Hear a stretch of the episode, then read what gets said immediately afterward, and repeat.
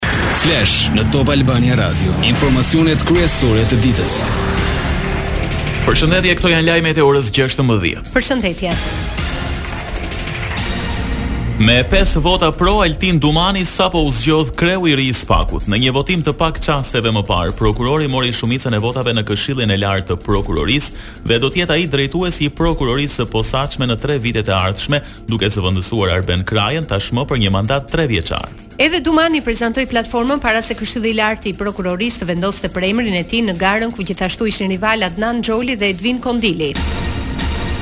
Por kush është kreu i ri i SPAK-ut? Altin Dumani vjen nga radhët e Prokurorisë së Apelit. Ai ka lindur në Shupenzë të Dibrës dhe njihet si prokuror i pakompromis, i pari që drejtoi njësinë Task Force ngritur vite më parë për të luftuar krimin e jakave të bardha. Ka një karrierë prej njëzet vitesh si prokuror, fillimisht me detyrë në Sarandë e ndër të tjera si kreu i komanduar i Prokurorisë së Apelit për Krimet e Rënda.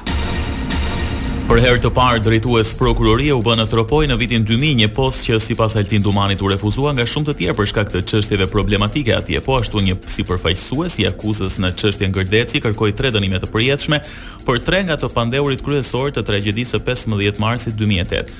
Si prokuror i SPAK-ut ka hetuar çështje shumë të nxehta të lidhura me krimin e korrupsionin.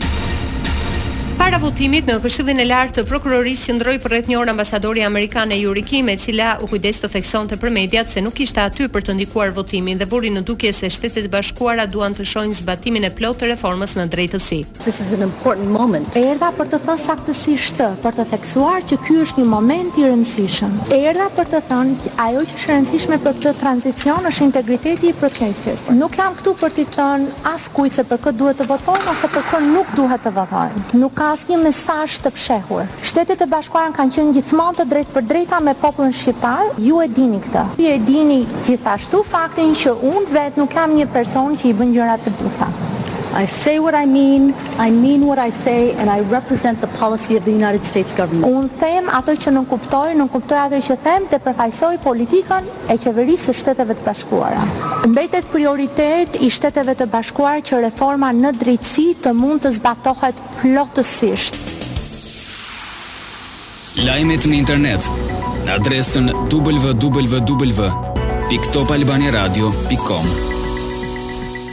Banka e Shqipërisë zgjat me një tjetër vit marrëveshjen e likuiditetit me Bankën Qendrore Europiane. Aktualja përfundon muajin tjetër dhe e reja në janar dy mijë e njëzet e katër. Për herë të parë, linja e kredisë katërqind milionë euro u miratua në vitin dy mijë e njëzet pas shpërthimit të pandemisë. Si qëllim kishte sigurimin e likuiditetit në euro për institucionet financiare nëpërmjet Bankës Qendrore.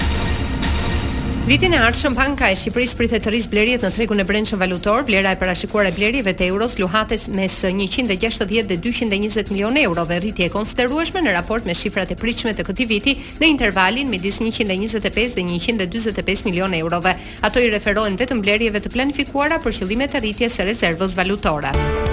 Lajme nga rajoni. Ish-komandanti UÇK-së Salih Mustafa dënohet me njëzet e gjashtë vjet burg për vrasje, ndalim arbitrar dhe torturë. Vendimi u dha sot nga Gjykata Speciale me seli në Hagë. Ndërkohë iu rrëzua akuza për trajtim çnjerëzor. Vetë Mustafa, gjithashtu i njohur si Komandant Cali, u deklarua i pafajshëm dhe gjykatën e pati quajtur zyrë të Gestapos. Gjykata Speciale heton krime të pretenduara të anëtarëve të Ushtrisë Çlirimtare të Kosovës kundër pakicave etnike dhe rivalëve politikë në periudhën janar nëntëdhjetë e tetë dhjetor dy mijë. Gjykata e ka selinë në Hagë të Holandës, por funksionon sipas ligjeve të Kosovës. Përveç Mustafës, për krime lufte akuzohet dhe ish-presidenti Thaçi. Rihapet Aeroporti i Shkupit, rikthehen fluturimet. Ministria e Brendshme e Maqedonisë së Veriut bëri të ditur se kërcënimet për sulme me bomba të adresuara përmes postës elektronike rezultuan të rreme, ndaj dhe u rikthye orari i fluturimeve. Në mëngjes nuk pati fluturime nga Shkupi, ndërsa ato me destinacion kryeqytetin e Maqedonisë së Veriut devijuan. Në vendin fqinj, kërcënime me bomba pati edhe në shumë objekte të tjera si hotele, qendra tregtare, pesëmbëdhjetë shkolla fillore e të mesme, kopshte fëmijësh e qendra sportive. Si pasojë e këtyre kërcënimeve, u evakua dhe hoteli ku kryeministri Kovaçevski ndodhej me të tjerë zyrtarë. Po punohet për zbardhjen e rasteve, dihet vetëm se kërcënimet vijnë nga jashtë. Lajme nga bota.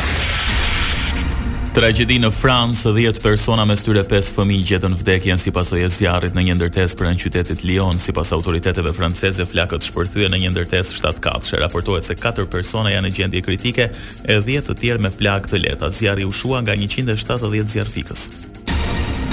Ministri i Brendshëm francez u shpreh se shkaku i zjarrit ende nuk dihet dhe falënderoi zjarrfikësit që u përfshinë në operacionin për shpëtimin e njerëzve, siç theksoi në kushte jashtëzakonisht të vështira. Ai vuri në dukje se hetimet lidhur me shkaqet e zjarrit do të bëhen publike më vonë gjatë ditës.